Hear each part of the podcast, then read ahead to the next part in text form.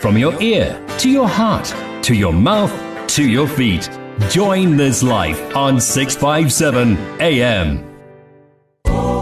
Akube njalo akube njalo akube njalo amen and amen spiritual Soweto spiritual singer. Sisi ku the second hour. Hey ngiyabona isikhathi samba zalwani siya ngishiya. Uyazi siya ngishiya. Ya umzuzu wodwa ngap emveni kwehora lesithathu singena ke ku the second hour. So sizothi nje ukudileya izinto kancane kwamanje sizothola imotivation. Konke ngikuthembisile uzokuthola noma kuukuthi ke isikhathi sethu ngathi siyagijima uh, umfundisi ufana Sikhosana ukhona elayinini uzosinikeza ke imotivation yosuku kodwa ngaphambi kokuthi ngimdedele ngicela ukuthi ngindlule ngalaqala For there is a time to search and a time to give up, a time to reap and a time to sow.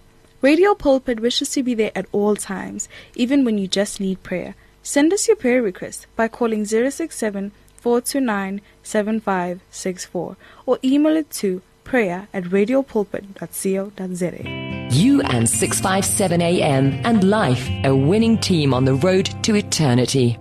Coronavirus 2019 is a new respiratory illness that spreads from one person to another through droplets when an infected person coughs or sneezes. Protect yourself and your community from getting and spreading this illness by practicing preventative measures such as Wash hands frequently with water and soap for at least 20 seconds. stay at home if you're sick or call coronavirus hotline to get medical advice. Avoid close contact with people who are sick. Covering your mouth and nose when coughing and sneezing with elbow or tissue. Clean and sterilize frequently touched objects and surfaces with bleach and other non-toxic chemicals. Play your part to prevent the spread of coronavirus and other diseases in your community. For more information, please call Coronavirus Center on 0800 02 9999 free of charge or go to nicd.ac.za or health.gov.za. Umfundisi ufana Sikhosana ukhona la elayinini ezosinikeza imotivation azosinikeza amazwi eh azosivuselela njengoba singena onyakeni omusha ka2022 mfundisi sawubona Uh, greetings, uh, Sister Bashe, and compliments of the new season. happy Also, happy, the whole happy. Radio Pulpit family. greetings. Hallelujah. Happy, happy. Hallelujah happy new year mfundisi siyabonga ukuthi Amen. singene nawe ku ku ku Sunday yokuqala em yalonyaka ngiyazi ukuthi ke kuhle osiphathele kona Amen. Kunjalo Sister Bashe, lenyanga nje uNkulunkulu has placed it in my heart to dwell more in prayer uh, this year. Hallelujah. And we trust the Lord. Hallelujah. Ukuthi uzowenza umehluko empilweni zethu. Also the country as a whole yase South Africa. Amen. Nomndeni wami ngiyawubingelela ke bangcwele. Uh, this is Apostle Fanas Kosana from Ekuruleni, Etwatwa Extension 32. Uh, Apostle Fanas Kosana is also the senior and founding pastor of the Church Act of the Apostles, the House of Fellowship. So i-message esiyokhulela ngayo la esiyokhuluma ngayo kancane la I have entitled it prayer that avails much and our scripture reading siku James chapter 5 verses 16 ngicela ukutshela the radio pulpit family eh ukuthi eh uNkulunkulu uphendula only the prayer of faith. uNkulunkulu akaphenduli abantu abacomplainayo but uphendula abantu that pray the prayer of faith. Hallelujah sisibahle.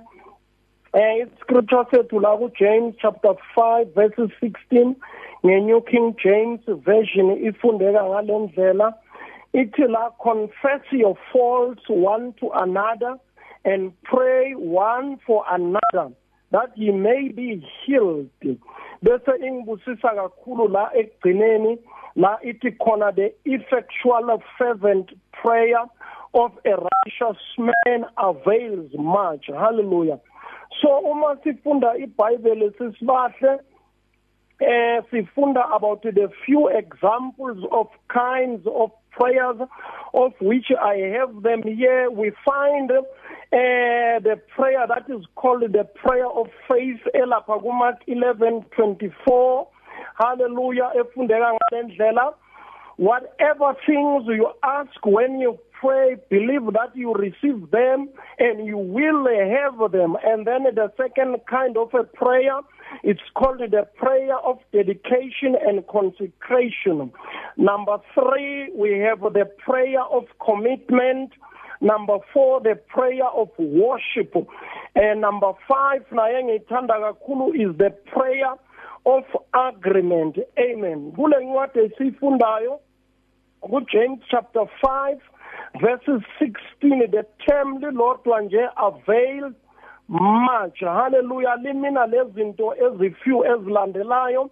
Number 1 the term avail much means to succeed. Number 2 means to prevail. Number 3 to overcome. Number 4 to be able to do something. Number 5 to be strong against an opposing force. Number six, to be helpful. Number seven, to make an impact. Number eight, to strike an impression. Number nine, to be effective. And then eyokugcina to accomplish much. I love this one and I believe ukuthi this year as the Church of God, we're gonna accomplish much. Hallelujah. bese iba namanye ama versions futhi lana the same book engiyithanda ngawo engizowafunda masinya eh ifundeka ngalendlela ngale version ye Phillips translation. Ithi la tremendous power is made available through a man's earnest prayer. Sibe nenye futhi version yona ithi the prayer of a righteous man can bring powerful results. I love this one. The prayer of a righteous man can bring powerful results and enye la version ithi the prayer of a righteous man makes tremendous power available dynamic in its working. Hallelujah. I-amplified version eyokugcina ke i-version la i-Williams translation ifundeka ngalendlela ithi an upright man's prayer when it keeps at work is very powerful. Hallelujah. Ngithanda ukukhumbuza ifamily nokuyikhuthaza eye radio pulpit ukuthi unyaka usaqala ngeyi2 zika January prayer prayer and prayer is our secret of one, of our success. Prayer, prayer, and prayer is the secret of our victory. Hallelujah. One man of God makakhuluma ngeprayer ngiyamthanda kakhulu I will quote him uthi eh I would rather teach one man to pray than teach 10 men to preach. Hallelujah. This man the way athanda in lenkonzo le eye prayer uyidedicator inhliziyo yakhe ku-prayer in such a way that he can rather uh, teach one man to pray than ten men to preach. So as a radio pulpit family asane kumkhuleko our answer ikumkhuleko not ukucomplaina. Prayer prayer and prayer is the only solution to our problem whatever problem you are facing. Abanye they have faced ama challenges wama uh, retrenchment emsebenzini. Abanye bashonelwe yihlobo abanye bashonelwe yimindeni abanye kuma businesses kuma finances they were very hit hard sistabathe.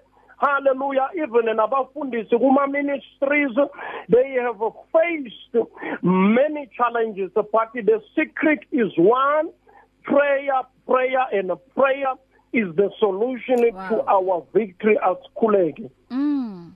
baba sibongile this early evening sibonga lethuba to minister your word to the radio pulpit followers.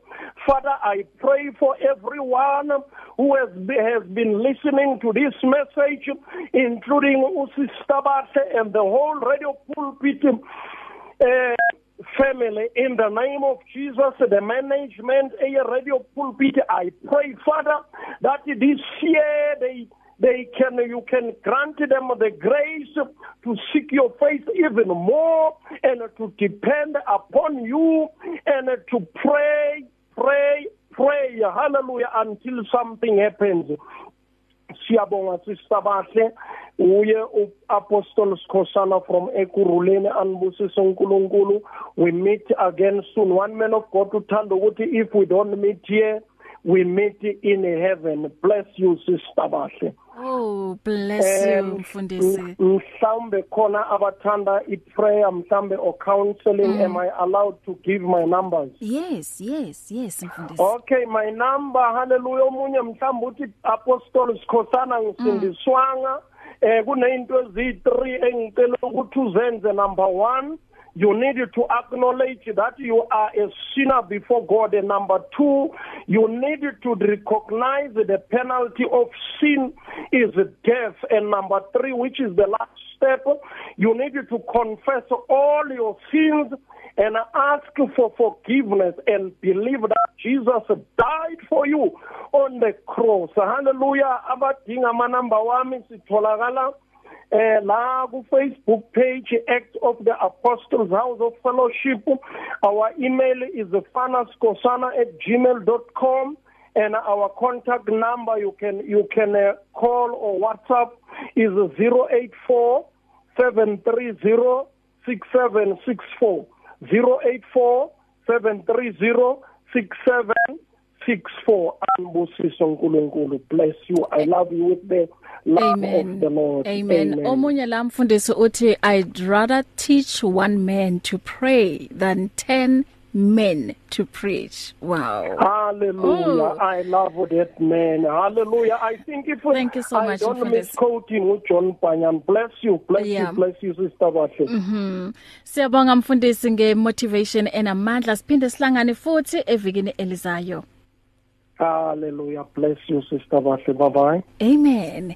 Ya umfundisi ufana sikhosane besinikeza ke imotivation yosuku ukuthi asikhulekeni bazalwane izwi nalo liyasho ukuthi sikhuleke singaphezi. So ube ngakukhulumi nje ubaba lokho uyazi ukuthi kunamandla kangakanani emkhulekeni ngoba when we pray uNkulunkulu intervenes and change changes things.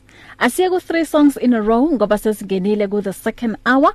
Ungakhohlwa ke sizobe sino advocate Vuyokazi Nonso obhaleke i motivational uh, noma ngathi i devotional book la ibizwa khona eh, ithi fear not oh my soul. Sizohlangana naye ke emveni kwale ingoma ezintathu zilandelana.